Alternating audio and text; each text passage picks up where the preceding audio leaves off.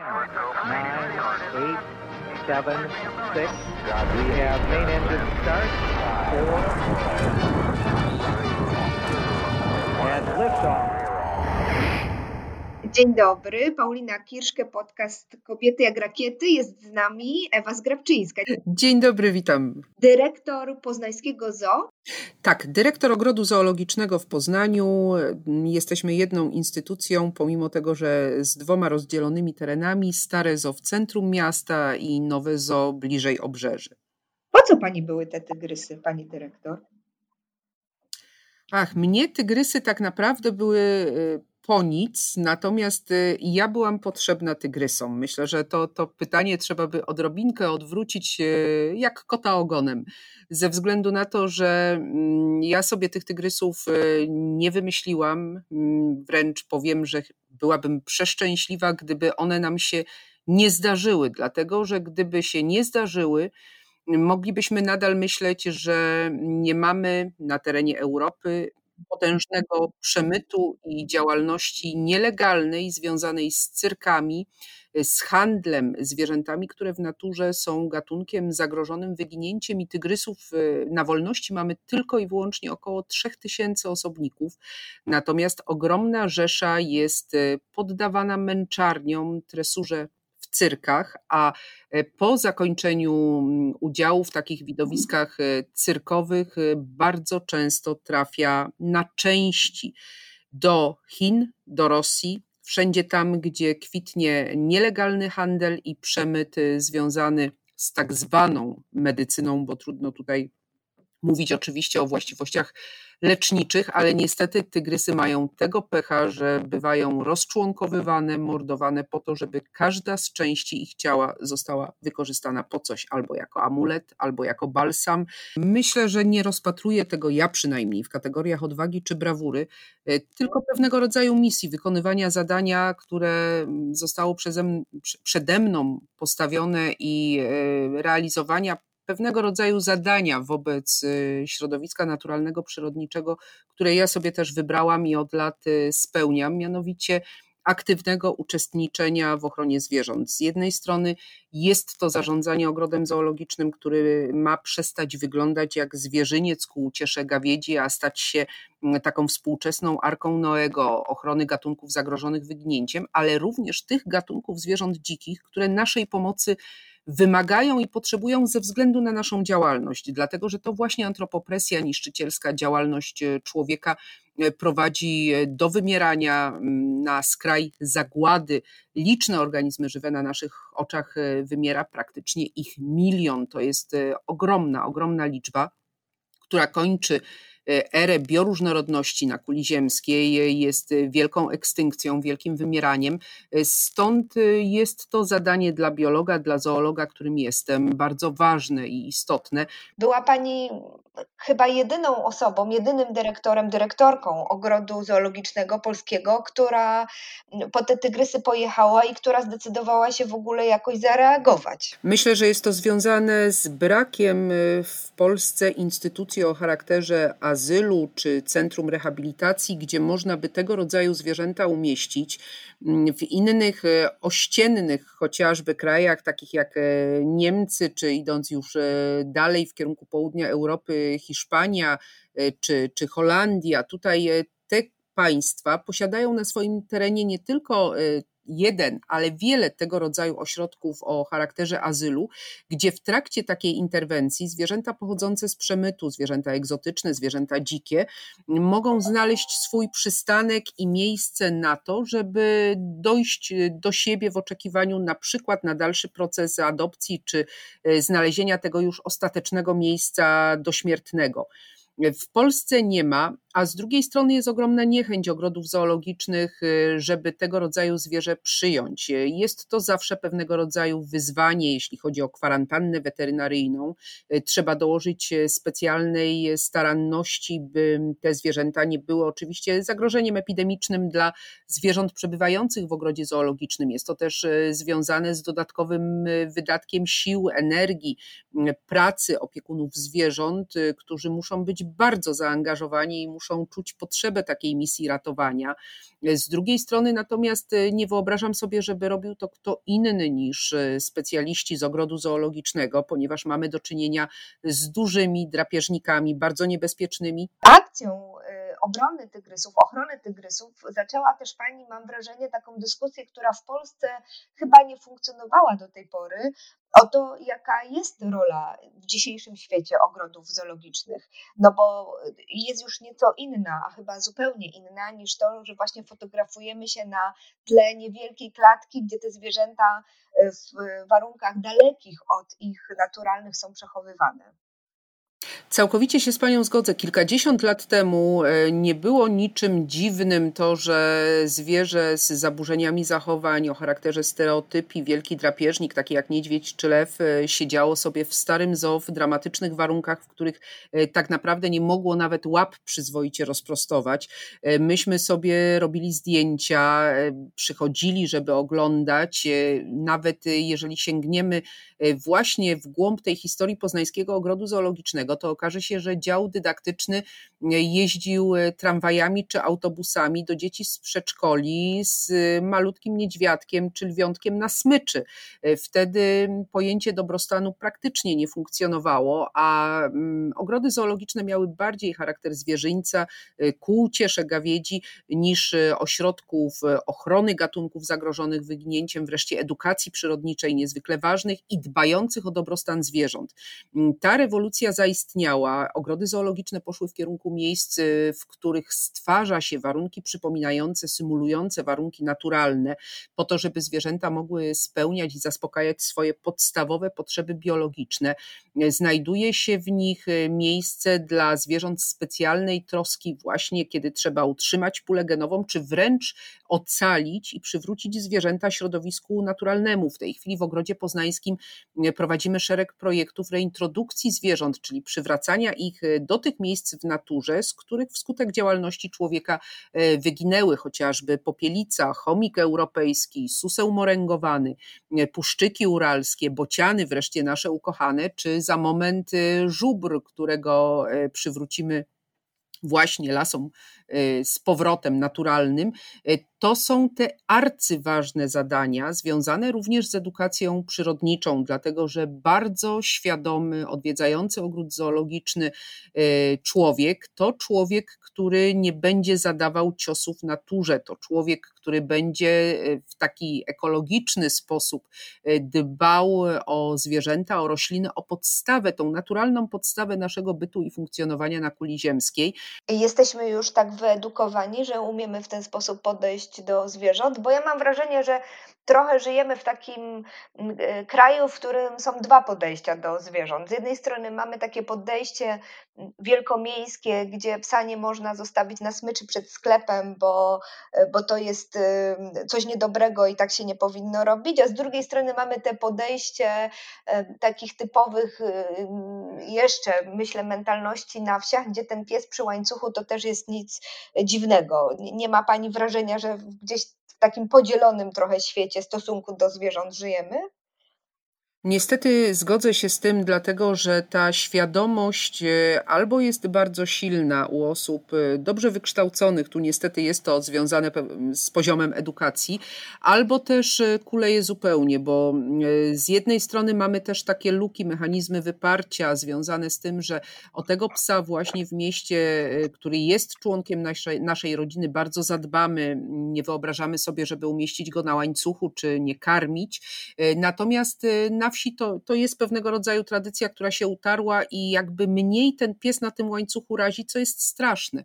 Z jednej strony mówimy tutaj o cierpieniu zwierząt, ratujemy dziewiątkę tygrysów e, z granicy polsko-białoruskiej, mamy ogromny odzew społeczny, pozytywny, cudowny, e, ludzie nie chcą, żeby te zwierzęta cierpiały, a z drugiej strony wchodzimy do sklepów mięsnych, do rzeźnika, gdzie króluje kilkadziesiąt rodzajów wędlin zupełnie zbędnych w naszym jadłospisie, e, a żeby do tych wędlin doprowadzić e, wytworzenia trzeba zwierzę uśmiercić, e, przewieźć w dramatycznych warunkach transportu. Nie myślimy już na przykład e, w taki sposób o jagnięcinie, o jagniętach, o malutkich dzieciach, krów, cielaczkach, które są od matek oddzielane, nie myślimy o efektach uboju rytualnego. To są jeszcze pojęcia, które kiełkują w głowach części społeczeństwa, ale ten ciąg przyczynowo-skutkowy od cielaczka do rzeźnika, do tej porcji mięsa, która ląduje na naszym talerzu, jest bardzo daleki.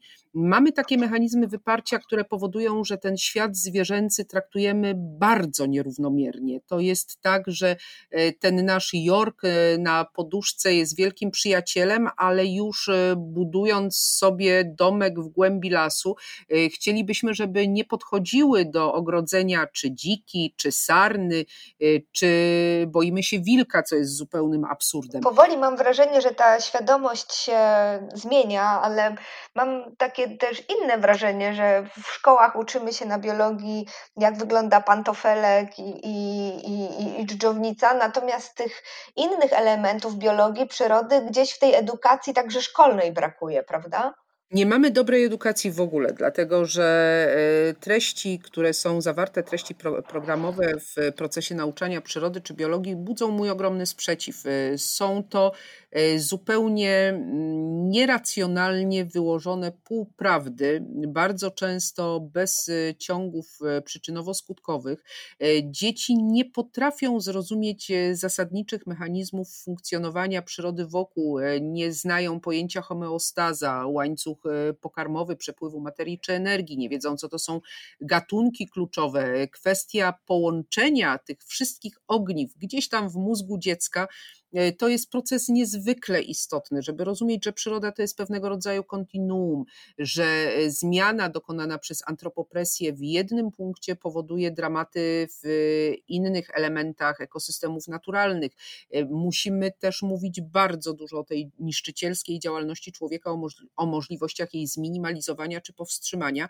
Natomiast dziecko kończąc czy szkołę podstawową, czy później szkoły średnie, nie ma narzędzi, które pozwalałyby mu na właściwą ocenę funkcjonowania natury i przyrody. Nie mówię też już o takim podejściu przyrodniczym, którego brakuje na studiach, na przykład już później biologicznych. To jak powinna ta edukacja wyglądać? Ja mam przykład takiej poznańskiej też biolożki, ekolożki, nieżyjącej już Heleny Szafran, która w latach 50. opowiadała o tym, że w szkołach powinny być ogródki, że dzieci powinny uczyć się na przykładzie, oglądać jak rośnie to warzywo, ten ziemniak, ta fasolka, ten pomidor, że, że to powinno powinien być sposób na nauczanie. A, a jakie jest Pani zdanie? Jak ta biologia, przyroda powinna być uczona w szkołach?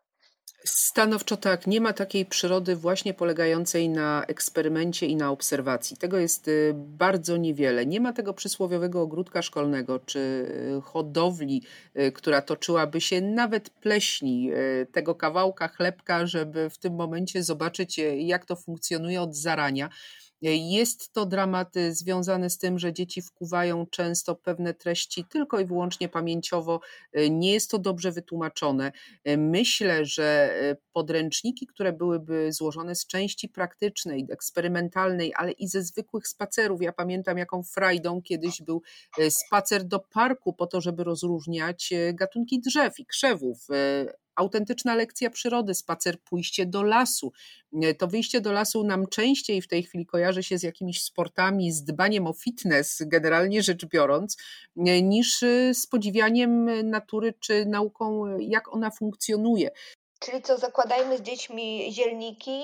Zakładajmy zielniki, ogródki, wychodźmy na spacer nie tylko po to, żeby przejechać się rowerem czy pobiegać, to jest również bardzo istotne oczywiście dla naszego zdrowego ducha i ciała, ale przejdźmy się po to, żeby z przewodnikiem do oznaczania chociażby drzew czy owadów pooglądać, poobserwować, pochylić się nad tym mikrokosmosem, który jest dla nas dostępny bez specjalnych narzędzi. Niepotrzebne są nam mikroskopy, lunety, jest potrzebne zwykłe nasze oko i e, odrobina wiedzy, nawet takiej wspólnej, która rozbudzi ciekawość, dlatego że te lekcje, które toczą się w szkole, e, one zabijają ciekawość i dziecięcą wrażliwość. Bardzo często jest tak, że e, po lekcjach przyrody czy biologii dzieci są zniechęcone. To nie są przedmioty, które były lubiane tak jak kiedyś. Wróćmy do tematu zoo, y, bo wspomniała Pani o tym, że przygotowujecie zwierzęta do tego, aby mogły wrócić do swojego naturalnego środowiska. Jak taki proces y, wygląda?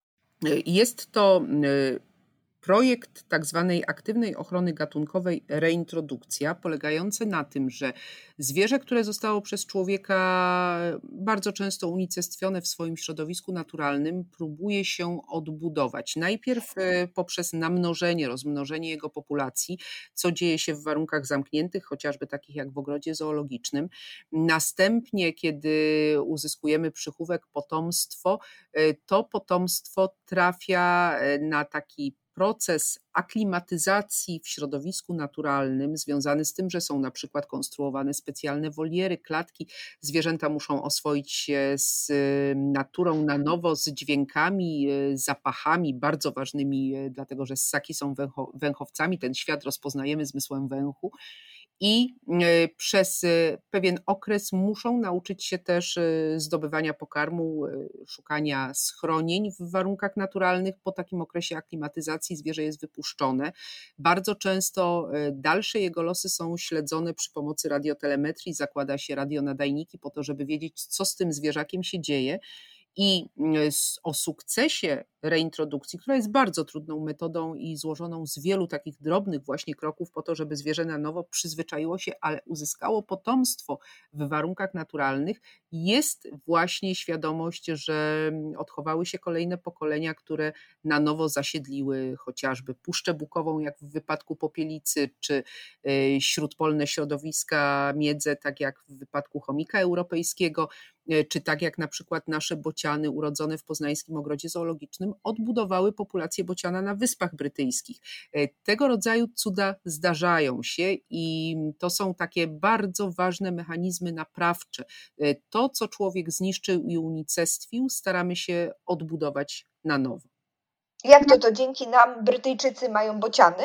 Tak, dzięki nam między innymi populacja bocianów z azylu ptasiego, dlatego że e, przyjmujemy takie anioły bez skrzydeł. To jest nasz e, azyl dla aniołów, e, które z różnych przyczyn nie mogły odlecieć, czy były osobnikami chorymi. Leczymy je, składamy bardzo dosłownie I takie bociany, część, y, taka grupa wyjechała do Wielkiej Brytanii, żeby tam pomóc w odbudowie populacji. Rozmnażają się u nas też z ptaków drapieżnych, na przykład puszczyki uralskie, które y, w Austrii i w Czechach są na nowo przywracane lasom i tym środowiskom naturalnym, w których kiedyś występowały licznie.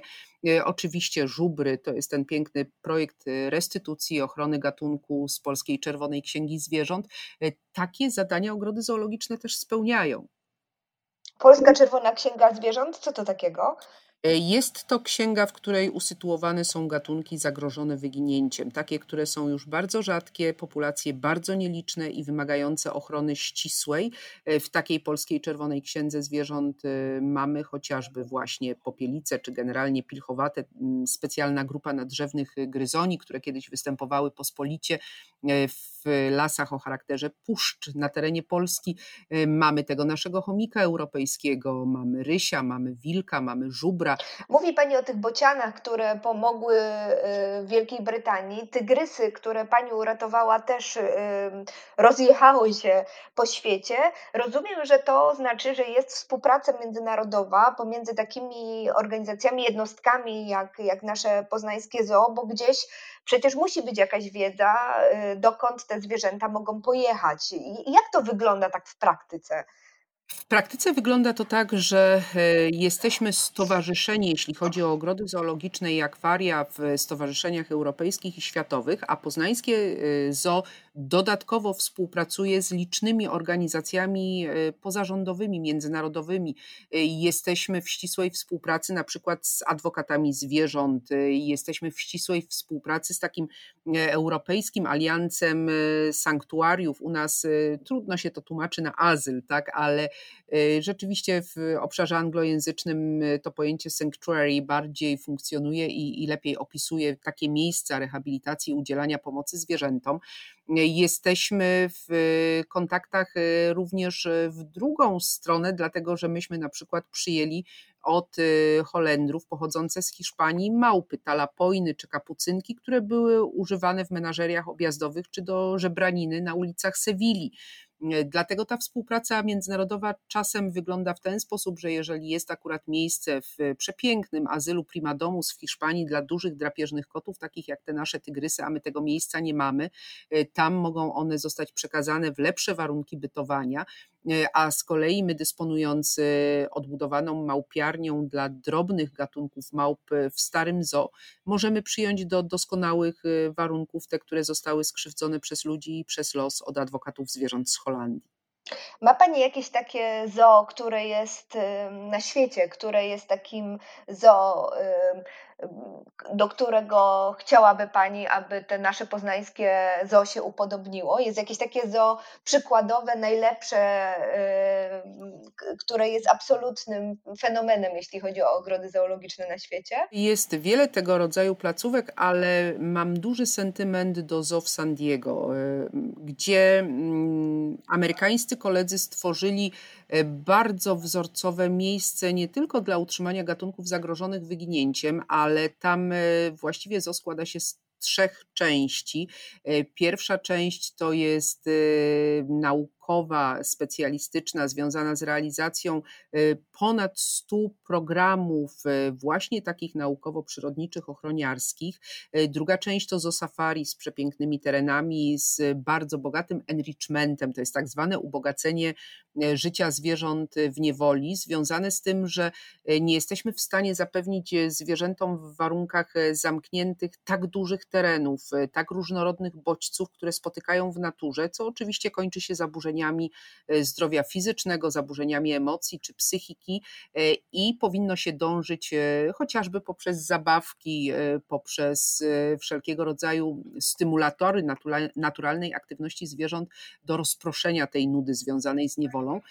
I w San Diego, wracając jeszcze, ma też fragment ogrodu bardziej tradycyjnego. Kiedyś to mm, było tak, że mówiliśmy, o Jezu, jaki ten wybieg jest wielki, ja tych tygrysów w ogóle nie widzę, a teraz to właśnie się cieszymy i myślimy sobie, ale świetnie, że one mają warunki zbliżone do naturalnych. Właśnie ten przykład chciałam podać, dlatego że on bardzo ładnie obrazuje tą e, zmianę, która zachodzi w mentalności i w świadomości. Kiedy pięć lat temu zaczynałam e, zarządzać Poznańskim Ogrodem Zoologicznym, ludzie bardzo narzekali, że jest to specyficzne zoo, szczególnie tutaj ta część nowego zoo e, z ogromnym terenem, 120 hektarów i trzeba się nachodzić, żeby to zwierzę zobaczyć, albo tych zwierząt jest mało. A w tej chwili ta zmiana polega na tym, że ludzie już wiedzą, że można postać przy wybiegu, poobserwować e, naturalne życie zwierząt, wykazać się cierpliwością, żeby zwierzę zechciało podejść e, bliżej obserwatora e, i że największą przyjemnością jest obserwacja zwierząt, które właśnie na takie zaburzenia zachowań jak stereotypia nie chorują, tylko wyglądają na zwierzęta szczęśliwe, zaspokajające swoje potrzeby życiowe pomimo warunków niewoli i warunków zamknięcia. To, to, to schorzenie, o którym Pani wspomniała, stereotypia, na czym ono polega? To jest bardzo dramatyczne dla obserwatora wykonywanie przez zwierzę ciągle tych samych e, ruchów, które nie mają żadnego umotywowania biologicznego. To jest na przykład e, chodzenie wzdłuż klatki, wzdłuż szyby po określonych ścieżkach, e, czy kręcenie się wokół własnej osi, czy szereg tego rodzaju właśnie odruchów, czynności, które absolutnie nie mają jakby mm, zrozumiałej motywacji dla obserwatora e, i są utrapieniem również dla zwierzęcia. Jest to efekt rozładowywania stresów, bardzo często związanych chociażby z małą przestrzenią klatki. Ma Pani jakieś marzenia dotyczące poznańskiego zoo? Marzy się Pani coś, czego tam jeszcze nie ma, a co powinno być? Marzy mi się stanowczo bardzo, bardzo dużo remonty klatek tych starych, które jeszcze pamiętają lata 70. Marzy mi się oczywiście azyl z prawdziwego zdarzenia, tak żeby y, tygrysy, jeżeli y, nie daj Panie Boże, ale zawsze może się to niestety przy skali przemytu trafić, miałyby jeszcze jakieś y, wymagać pomocy, żeby nie musiały być chociażby odsyłane do Hiszpanii Marzy mi się bardzo wiele nowych wybiegów, które byłyby ogromne. Przestrzeń nowego zona to pozwala z gatunkami zagrożonymi wyginięciem. I oczywiście marzą mi się przekochani, cudowni, świadomi zwiedzający, którzy będą odwiedzać nas, przychodzić jak do domu zwierząt z pełnym szacunkiem, z kulturą, zwiedzania ogrodu zoologicznego i mm, bardzo otwarci na wiedzę o zwierzętach, ale też na wiedzę taką e, A ma Pani swoich ulubieńców w zoo? Ogromna grupa, e, począwszy od baktrianów, oczywiście przez tygrysy, lwy, niedźwiedzie, lisy uratowane z fermy, mm, drobne małpy, no, przebojem oczywiście w starym zoo, taką gwiazdą, ale w pozytywnym słowa tego znaczeniu jest chociażby kapucynka Lucjan, która e, pochodzi właśnie z cyrku, jest to zwierzę uratowane. Myślę, że tych ulubieńców mam e, ogromną rzeszę. Kilka tysięcy zwierząt by się zebrało pewnie. Wspomniała Pani o, o, o co jeszcze? Jakie jeszcze e, ma Pani takie przyjazne, e, przyjaźnie zawarte właśnie w starym czy nowym zoo? Bo widziałam zdjęcia, że, że, że te zwierzęta faktycznie traktuje Pani, mam wrażenie, jak przyjaciół. Przyjaciół, a właściwie pewnie i rodzinę, bo myślę, że tutaj ten stosunek, mój emocje są bardzo ciepłe, zresztą odwzajemniane, to, to jest taka szczególna więź, którą czuję ze zwierzakami i, i to więź związana z chęcią otaczania ich opieką. Oczywiście chęć bliskiego kontaktu, bo, bo do wszystkiego te swoje ręce wyciągam często, nie, nie bardzo zgodnie z zasadami BHP, ale to, to bywa bardzo, bardzo silne odczucie. Natomiast wśród naszych zwierząt są takie, które człowieka bardzo lubią i ten kontakt z człowiekiem preferują. Z dużych to e, chociażby uwielbiają swoich opiekunów kiziarzy, i Leoś i z nimi się wręcz po kociemu, jak zwykły kot domowy miziają. Y, mamy wśród niedźwiedzi bardzo przyjacielskie, szczególnie chłopacy są tacy y, proludzcy, oczywiście misiu Balu, ale też y, ogromny Pietka czy Borys. Mamy wśród drobnych drob, czy drobniejszych zwierząt cudownego gąsiora maurycego, który zaczepia odwiedzających stare zoo krowy szkockie, długowłose, malwinę jagódkę, które uwielbiają czesać i kontakt z dziećmi. E, mamy wreszcie tutaj e, w Nowym Zoo alpaki wyprowadzane po psiemu na spacer, które świetnie koszą trawniki i, i też lubią być przytulane.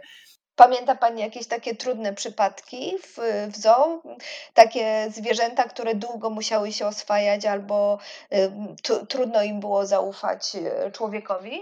Przypadkiem takiego takim ostatnim trudnym jest chociażby tygrys Kany. W momencie, kiedy przyjechał do nas z transportem nieumarłych, y, było to zwierzę oszalałe z, y, ze strachu, również z bólu z powodu cierpienia, bo to był nie tylko głód i pragnienie, ale u Kana są to poważne problemy ortopedyczne. Jest to już tygrys w wieku zaawansowanym.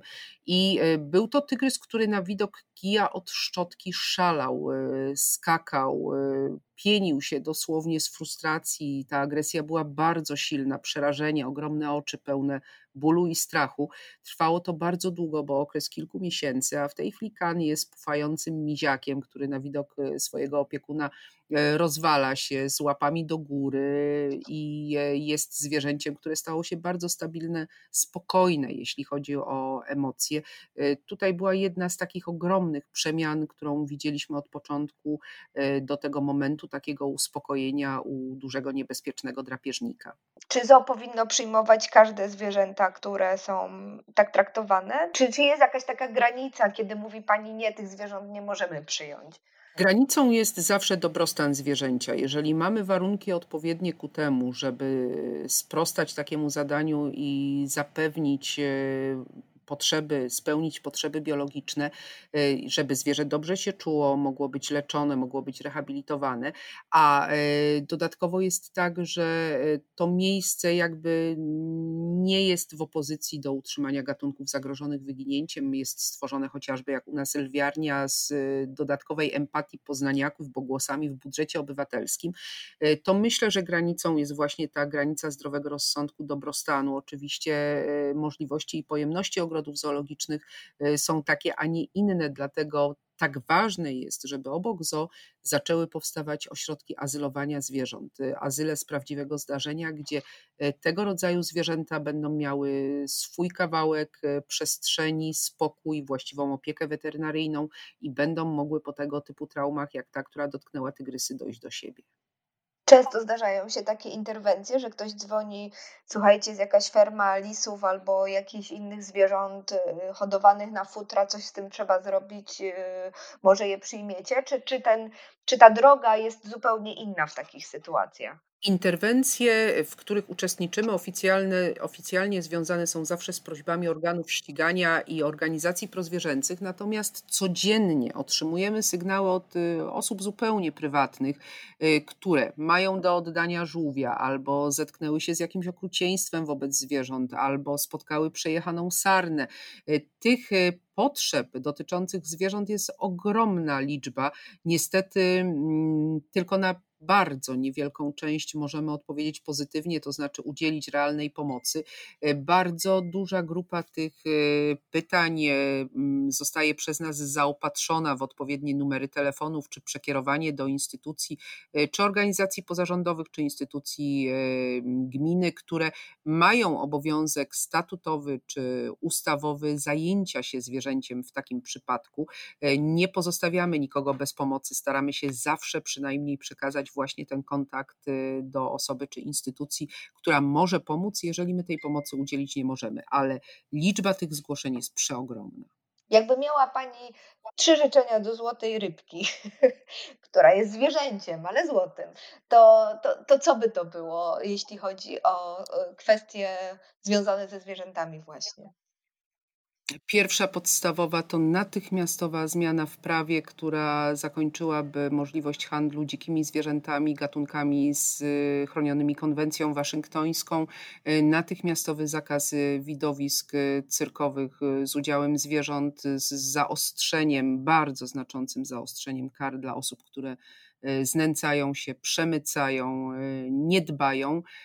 Pewnie już wysyciłam trzy bo każde z nich było pojedynczym, ale tych życzeń jest bardzo dużo. Powinny się pojawić e, ośrodki o charakterze sanktuariów, e, azyle na terenie Europy, na terenie Polski.